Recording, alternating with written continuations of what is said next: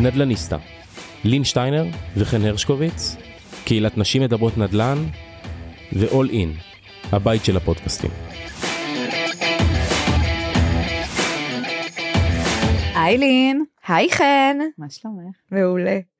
איזה כיף להיות כאן בעוד פרק של נדלניסטה, והיום איתנו אורחת סופר מיוחדת, כתבת הכלכלה של כאן, שזה כולל בתוכו כמובן את התחום הכי חשוב, נדל"ן, יש גם צרכנות וכל מיני ברור, דנה ירקצי, מה שלומך? יואו, איזה כיף, אני מה זה מתרגשת להיות כאן. יואו, גם אנחנו. הנטייה הראשונה שלי היא בדרך כלל להגיד לא לדברים, אני לוקח לי זמן לעכל, וידעתי שאני חייבת להיות כאן איתכן, כי איזה כיף. בואי, וגרמת לנו להתאמץ עד שהגעת. טוב, אל תהפכי אותי פה לאיזה hard to ככה get. שהתקשרנו בת וזה, די. היה פה, הייתה פה עבודה. אה, אי אפשר לסרב. לשתיכן.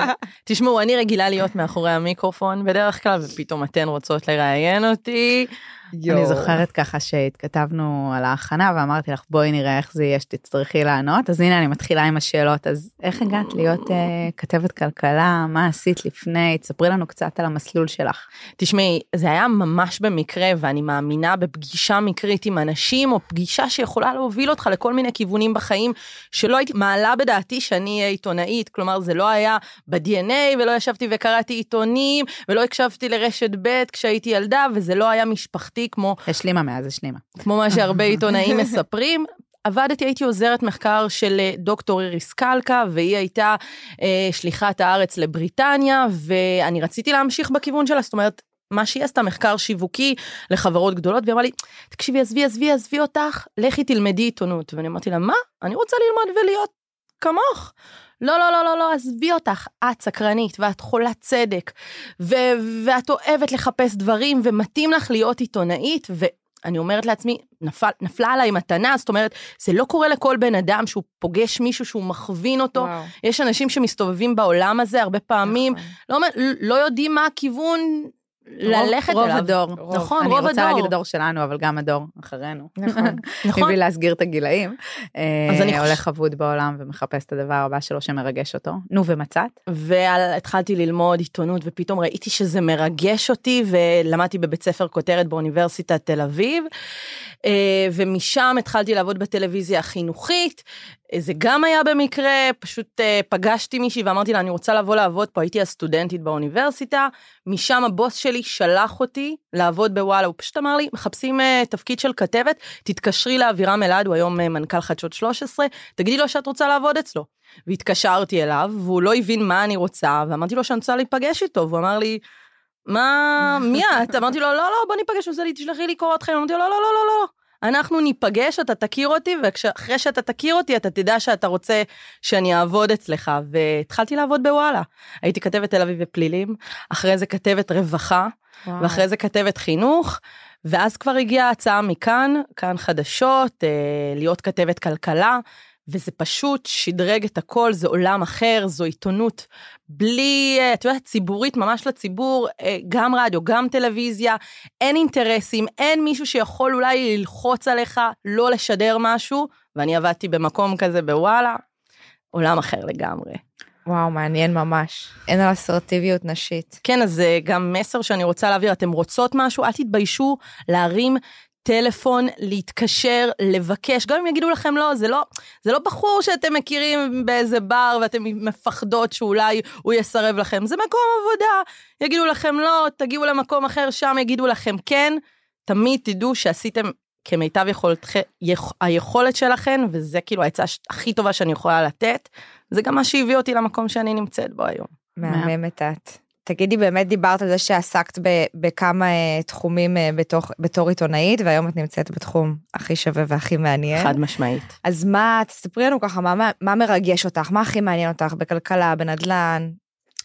יש מה שנקרא כלכלת משק בית, הצרכנות הנבונה. מאוד מעצבן אותי שאנשים לא יודעים שהם יכולים להתווכח, לא יודעים להתווכח על העמלות בבנק, לא יודעים להתווכח על הריביות בדרך למשכנתה.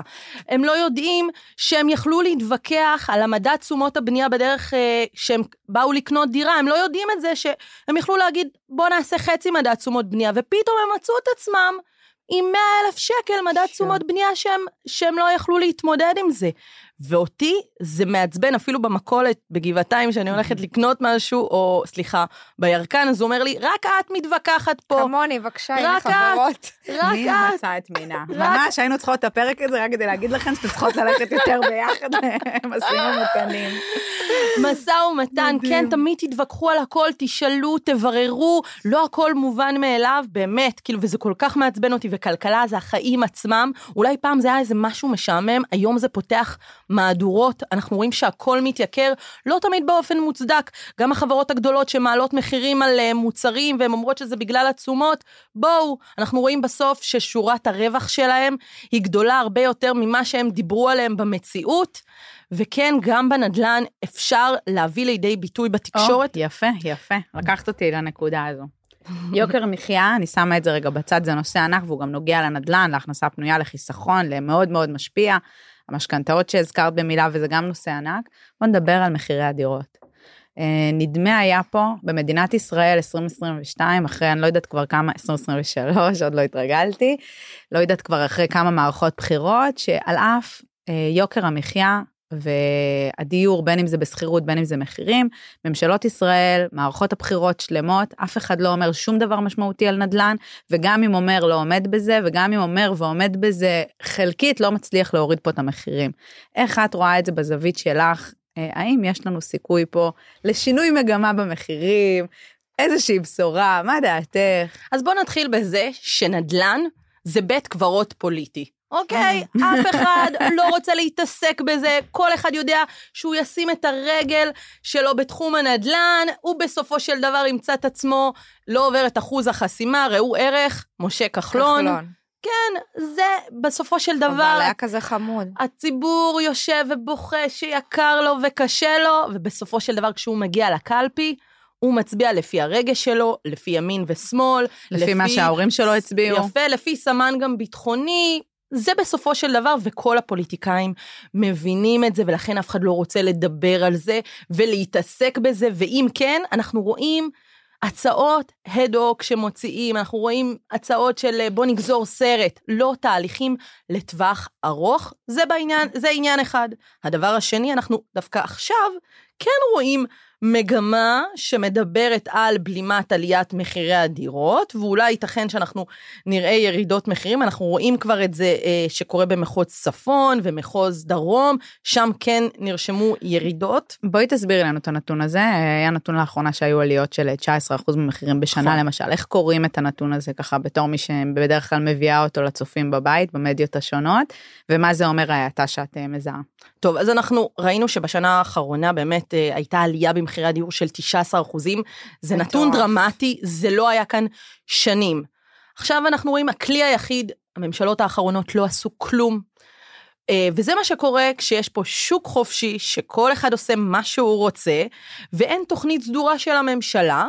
אז כל אחד אומר לעצמו, אוקיי, אין פה בעל הבית, אין פה תוכניות, אין פה איזשהו כיוון, אז אנשים קונים, ואנשים קונים גם במחירים גבוהים, ואז הדבר היחיד שקרה פה זה שנגיד בנק ישראל העלה את הריבית, הריבית. העלה את הריבית, ופתאום אנחנו רואים את העצירה הזאת, אנשים יושבים על הגדר, אנשים מחכים, אנשים קשה להם עם ההלוואות, פתאום מכביד עליהם הדבר הזה, אז רואים את העצירה, ודווקא מהדרום, מהצפון, אפשר להגיד מגיעה הבשורה, שם אולי יותר קשה אה, אה, להשכיר דירות, יותר קשה לקבל תשואה, אנחנו רואים שהמשקיעים משקיעים, בורחים כן. מהשוק, במיוחד באזורים האלו, ומה קורה במקום עליית מחירי דיור?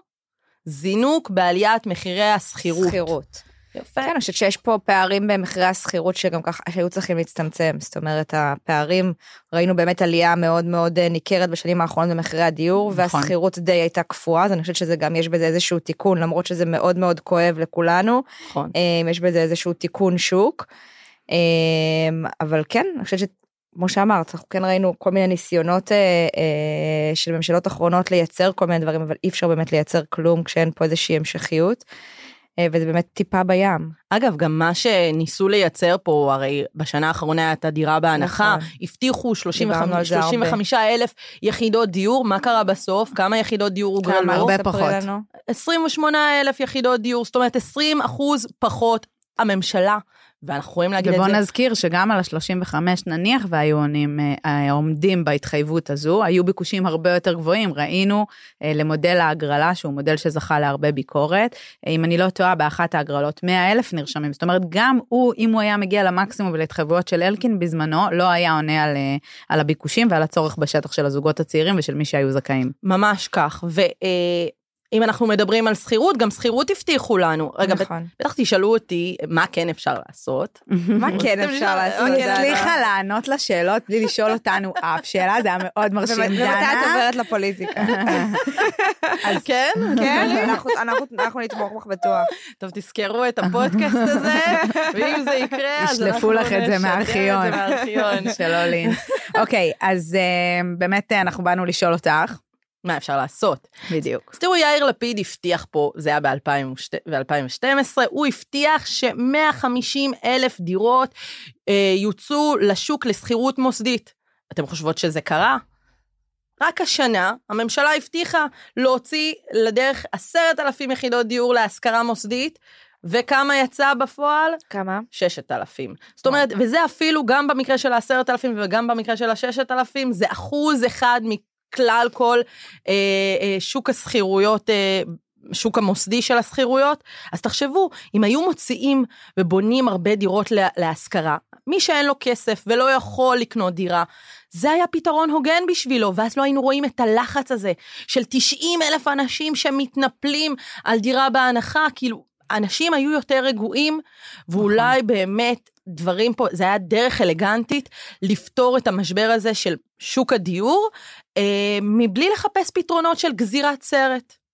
לין ואני מאמינות גדולות אה, בשכירות ארוכת טווח, בטח בשוק אה, כמו היום וגם בפרקים אחרים שלנו אה, צללנו למודל הזה לעומק, יש פרויקט של אפריקה ישראל מאוד מוצלח במרכז הארץ בהרצליה ואני באמת רואה היום איך השכונות ליד מאוד מאוד עלו ואיך הסוחרים בפרויקט הזה נהנים מאיזושהי רו... אה, הנחת רווחה בתקופה שכל ההכנסה הפנויה בעצם מצטמצמת ואני רוצה גם שתגידי על זה כמה מילה ואולי על הניסיונות בשורה של אה, סמוטריץ' וביבי בשבוע האחרון אה, בכמה מאות שקלים אה, איך הם יפתרו לנו כן. את יוקר המחיה. לא. לא הבנתי את המשוואה שהם יצרו שם. טוב, אז קודם כל הבטיחו בבחירות, הבטיחו לנו לבטל את העליית חשמל, והבטיחו לבטל את הארנונה, והבטיחו לבטל את המים, עליית המים והדלק. ואז, והבטיחו עוד הרבה דברים שהם יבואו ויעשו, ואז באו, היו חייבים להתייחס, הרי אי אפשר לבוא ולהבטיח הבטחות בחירות, ואז להתעלם ממשבר הדיור ולהמשיך ולהתעסק רק ברפורמת אה, אה, המשפט שהם מתעסקים בה, כן?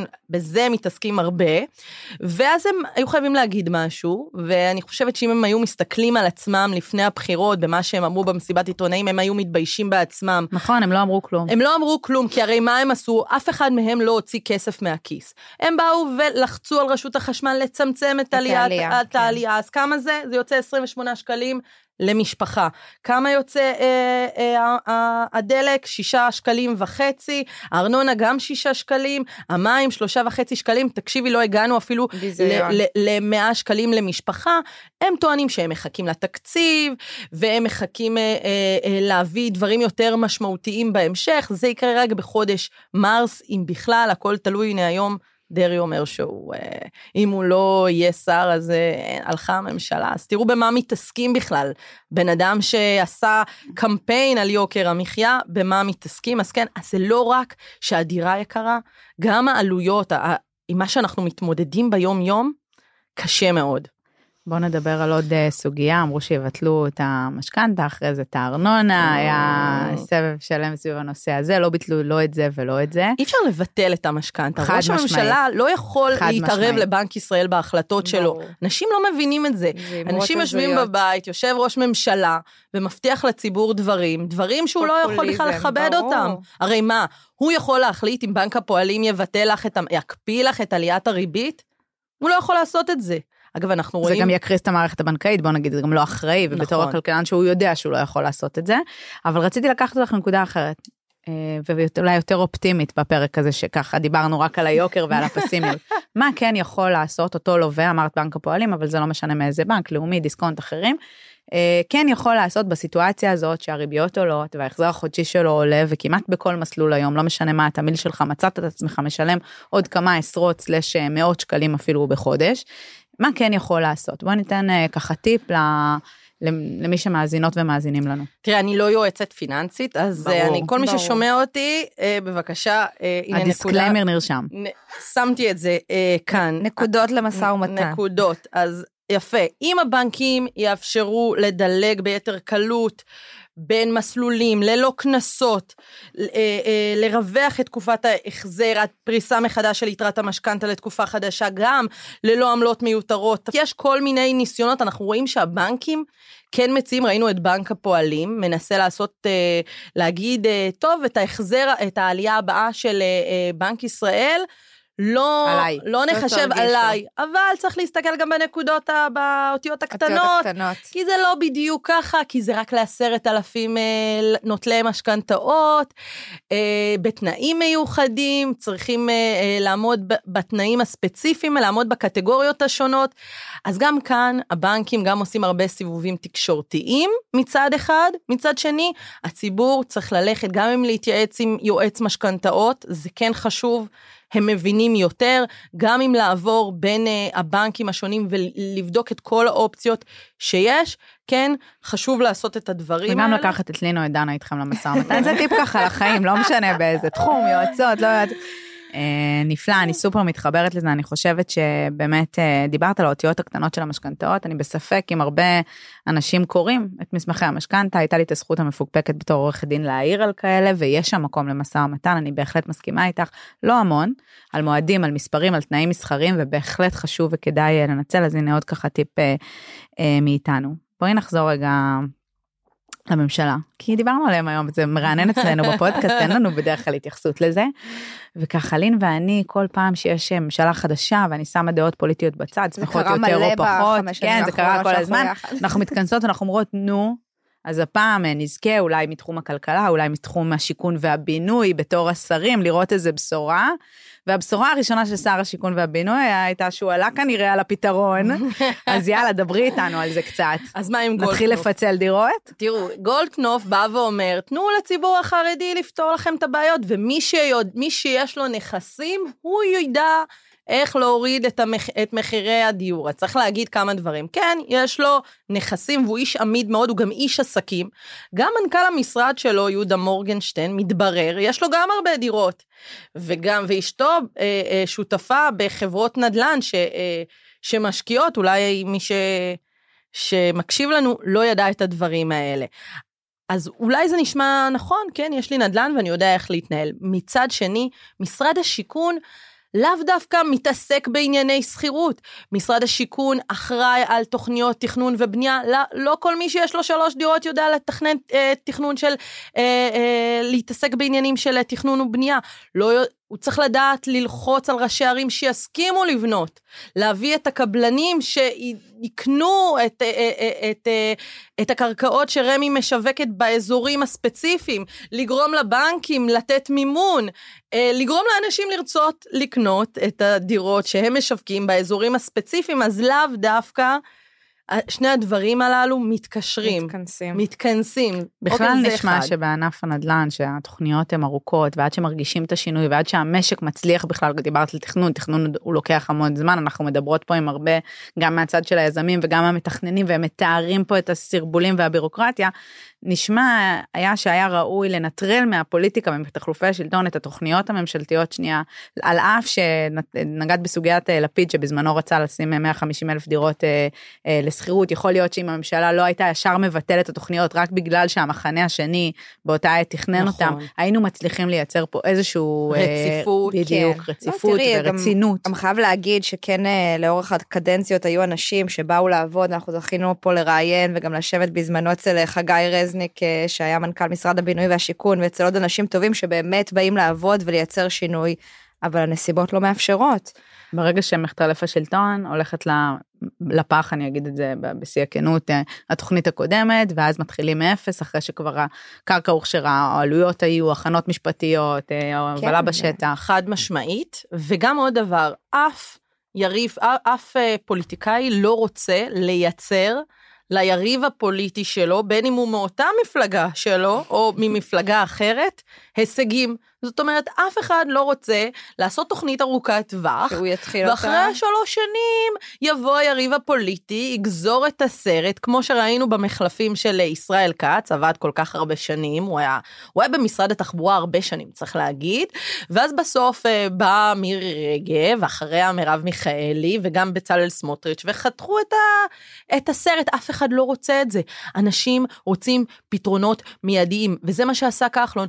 הוא שיווק דירות בהנחה, כי הוא אמר לעצמו, אני עכשיו נותן לזוג הצעיר הזה דירה בהנחה, אני מביא אותו, את הזוג ואת ההורים של הזוג, שהם יצביעו לי. אבל זה לא קרה במציאות, זה דבר אחד. ודבר שני, באמת בגלל חילופי השלטון אנחנו לא רואים פה תוכניות עתידיות, הכל זה מכאן אה, לעכשיו, ו... כמו שאתם רואים, אז יש חדשה עכשיו שמחירי הדיור נבלמים, ואז אנחנו כזה במדינה שכל פירור שנזרק, אה, אה, ש, שכאילו שנופל, אז ישר אוכלים את זה כמעדן. ו... הנה, הצלחנו לעשות מה, איזה שינוי. וזה גם מביא לעוד, לעוד ביקושים. ברגע שאומרים שנייה יורד, עוד פעם נכנסים לשוק ביקושים. דיברנו מקודם, אני כן חוזרת ל, ל, למה שדיברנו בהתחלה, כי זה מאוד מעניין, דיברנו על 19 אחוז, באמת על הבלימה הזאת שאנחנו מרגישים, נכון. וגם רואים את זה בשטח, אבל את באה ואומרת לנו מעבר לבלימה, שראינו בשנים האחרונות כבר תקופות, בקורונה, בזה אנשים יושבים על הגדר, יש כל מיני נכון. שינויים, אבל אף פעם עוד לא דיברנו בשנים האחרונות על ירידה. נכון. זאת אומרת, אולי במקומות מאוד מאוד נקודתיים, עפולה, טבריה, היה כזה, נכון. אבל... לא. אנחנו רואים עכשיו... אנחנו רואים בלימה ואנחנו רואים ירידה באזורי פריפריה. הסכנה היא שהציבור, או בכלל השוק, יתרגל לריביות הגבוהות יפה האלה. יפה לכסף זול, ועכשיו הכסף יתייקר. כן, אבל הוא יתר, יתרגל עכשיו לכסף היקר. כמו שאנחנו כי... מתרגלים להכל, הכל כי... היקר. נכון, הוא יתרגל לכסף היקר הזה, הוא ית... סליחה, הוא יתרגל לריביות הגבוהות האלה. מצד שני, לא בונים יותר, אין יותר אה, היצע. והביקוש רק עולה, אז, אז מה עושים? אז אנשים פשוט יחזרו לקנות, והמימון יהיה להם יותר יקר, והעלויות יהיו יותר גבוהות, ובעצם לא נראה כאן פתרון ללא צעדים משלימים של הממשלה. אנחנו בסוף נחזור שוב להתנפלות של השוק על הדיור, כי כשהציבור אומר, טוב, אין מי שיפתור, אז מה, אני אשב ואחכה, אני גם ככה ישבתי וחיכיתי, כן, אבל אני חושבת כלום. שכן יש הבדל, זאת אומרת, אני חושבת שבשנים האחרונות, כל פעם שהייתה סיטואציה כזאת של איזושהי בלימה, ואנשים שישבו על הגדר, אז זה באמת היה משהו שהוא יותר פסיכולוגי, בוא נראה מה נכון. קורה. אני חושבת שפעם ראשונה יש פה משהו שאנחנו מרגישים אותו בכיס. נכון. כמו שדיברנו עליו, אם זה הריביות, אם זה, זה כבר לא איזה משהו תיאורטי, זה כבר המשכנתה שלי היום, לא משנה אם היא back to back עם הסוחר שלי, והיא עלתה בכמה מאות שקלים, זה פתאום הופך ללא כלכלי. והוא לא כאילו... רק לוקאלי, צריך לזכור שכל עלייה כזאת של נגיד של ריבית אה, בנק ישראל היא גם חלק ממהלך פולו-אפ לפעמים ישיר או קצת אחרי של השוק האמריקאי של הנגיד האמריקאי נכון. זאת אומרת אנחנו לא פועלים גם על אף שאנחנו חושבים שאנחנו מרכז העולם הטיפה הקטנה של נכון. ישראל החשובה אבל הקטנה אז גם השוק בחוץ וגם האלטרנטיבות וגם מה שקורה בשוק ההון שוק העבודה זאת אומרת יש פה עוד המון פרמטרים נכון. שמשפיעים. יש עוד הרבה פרמטרים אבל בצד הדברים האלה אנחנו יכולים לראות גם שקצב התחלות הבנייה פשוט ירד. ירד. ואז אם לא, אם לא יהיה היצע, אז מה יהיה? אם אין דירות להשכרה בשוק המוסדי, ואין דירות למכירה. דמוגרפיה עולה. והשכירות עולה. מה יהיה? ועליות מאוד גדולות שקורות ועוד צפויות. נכון. צפויות להיות. אנחנו רואים כבר עכשיו, כתבה שעשיתי על אנשים שמתמודדים עם המשכנתה.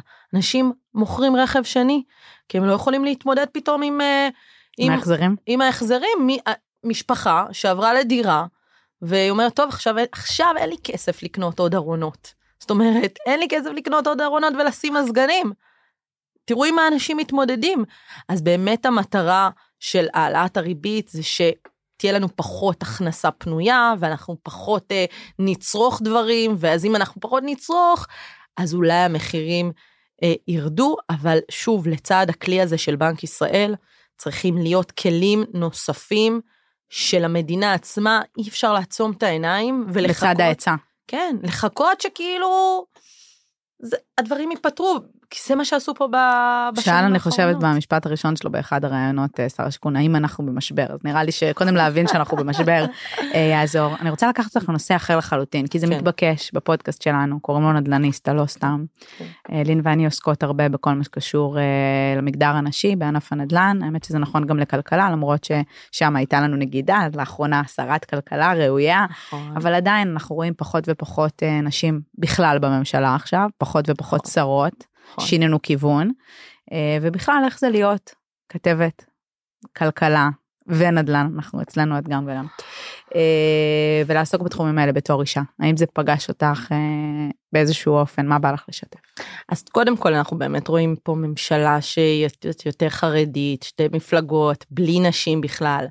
מי שהצביע ידע, ידעה גם מי שהצביע ברור. שלכאן אה, זה מה שיביא אותנו למקום הזה, אנחנו לא רואים הרבה שרות, אם הייתה לנו שרת פנים ושרת כלכלה, שרת אנרגיה, שרת אנרגיה, אנחנו פחות רואים את, ה, את הדברים האלה עכשיו, ומי שהצביע, גם אישה, צריכה לקחת את זה בחשבון, פחות נציגות נשים בממשלה. דווקא בתחום הנדל"ן כן רואים אה, יותר אה, אה, נשים בעמדות מפתח בחברות נכון, נדל"ן. בוועדות התכנון, בוועדות תכנון, ראינו גם עדיין- את דלית זילבר, זה כן, זה עדיין טיפה בים, עדיין זה תחום גברי. ודווקא בתחום של החדשות, כן יש הרבה נשים, נכון. זה ממש יפה נכון, לראות את נפלאות זה. בכל ה... בתחום הכלכלה, פחות גברים, יותר נשים אה, אה, השתלטו מדהים. על העניין הזה.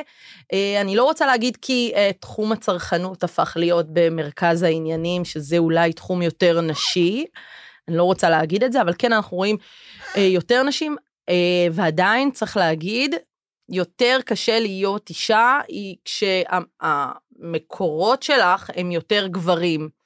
תמיד את צריכה יותר אה, להצטדק ולהיות לכאורה יותר אה, חכמה ולפחד ולטעות אולי במספרים ולצאת אולי אה, אה, טיפשה כי אם היית גבר זה היה יותר סלחני. יותר קשה להיות אישה נקודה נראה לי. כן, זה באופן כללי. גם יותר כיף, כן. גם יותר מעניין. יותר כיף, כן, יש לזה גם צדדים חיוביים, אי אפשר להגיד שהכל אה, נורא, וואי, נראה לי שיצאתי פה נביאת זמבה בכלל לא. את בפודקאסט משקרת הזה, רק אה. מדברת על דברים שליליים. חן ולין, אמרתם שנדבר על נדל"ן, איך יצאתי מהפודקאסטים המסרים? מי זאת הבחורה הזאת, לבשה גם שחור, הכל אצלה קשוח, לא, זה לא הסיטואציה. יפהפייה. אז את. אומרת שיש יתרונות ללהיות אה, כתבת כלכלה אישה, אבל גם יש את האתגרים הייחודיים. נכון. שוב, מי ש... מי יודע להתווכח הכי הרבה על כסף? לא תמיד נשים, אבל במקרה הזה כן. במקרה הזה זה מיוחד, כן. אז אה, לסיום אנחנו תמיד אוהבות לשאול אה, משהו ככה יותר אישי. מה גורם לך לקום בבוקר ולחשוב על הכתבה הבאה, או להתחיל את היוזמה הבאה שלך, אה, העיתונאית? טוב, להיות כתבת בישראל זה לא כמו בכל מקום אחר. זה כל בוקר זה מלחמה חדשה, כל בוקר יש אירוע אחר, אין רגע, לפעמים אני אומרת, אין רגע של נחת במקום. הזה, כאילו, קמתי היום בבוקר, בום, היום מעלים את הריבית, מחר מדד מחירים לצרכן, זה אה, הבניין שלו קיבל, לא קיבל טופס 4 וחילקו את הדירות אה, בלי חשמל, וצריך לעשות עם זה משהו. זאת אומרת, אין רגע דל במדינה הזאת. מצד שני, זה תחום, להיות עיתונאי, זה מלא אדרנלין, מלא אנרגיות, כל יום אירוע חדש. היום נתניהו מציג מסיבת עיתונאים, וצריך לרוץ ולראיין אותו ולשאול, וחוזרים הביתה, וזה זה תפקיד שהוא חד פעמי באמת. וואו. זכיתי, ב- סיפוק. במקרה הזה זכיתי בפיס, אני יכולה להגיד. לא כל יום יוצא לך לנסוע עם ראש הממשלה לנסיעת אה, עבודה, או עם הנשיא, אה, או לסקר גם פיגוע, גם אם זה לא בתחום הנדל"ן והכלכלה, לעבור תהליכים שבהם עוד כמה שנים אני יכולה להגיד, וואלה, אני הייתי שם. אני הייתי במקום הזה. מהמם. אז זה מיוחד, וזה נותן את התחושה של שווה לקום בבוקר, וגם, כן, לעזור לאנשים, יפה. זה השליחות. אני יודעת להגיד שבקהילה אצלנו עלו לא מעט אה, מקרים שהיו עצובים, שדרשו באמת התייחסות, שנעשה עוול, כמו שאת מתארת, אה, בניין נמסר עם אה, תקלות, עם דברים וכן הלאה. והם הגיעו לתקשורת, והרבה פעמים זה הכלי האפקטיבי היחיד שגרמו נכון. לדברים לזוז, עוד לפני המשפטי, עוד לפני דברים פליליים, עוד לפני דברים שיש עוד כל מיני כלים כמובן להתמודד במקרה של עוולה או אי צדק, אבל יש אה, תחושה שבישראל אה, התקשורת אה, מהווה קול חשוב למי שלא תמיד יש לו את הקול החזק הזה לצעוק. אה, אז תודה לך על השליחות הזו, ואיזה כיף שיש נשים כמוך שעושות את זה. וואי, תודה לכן שהזמנתם אותי, אני כל כך נהניתי, באמת, וואו. את מדהימה. גם אתם. טוב, זה היה פרק נפלא, אז אפשר לסיים. תודה, דנה, אין. עלייך. כתבת רבה הכלכלה של. כאן, חברה וקולגה. מואה. לכן, חיי לחיים.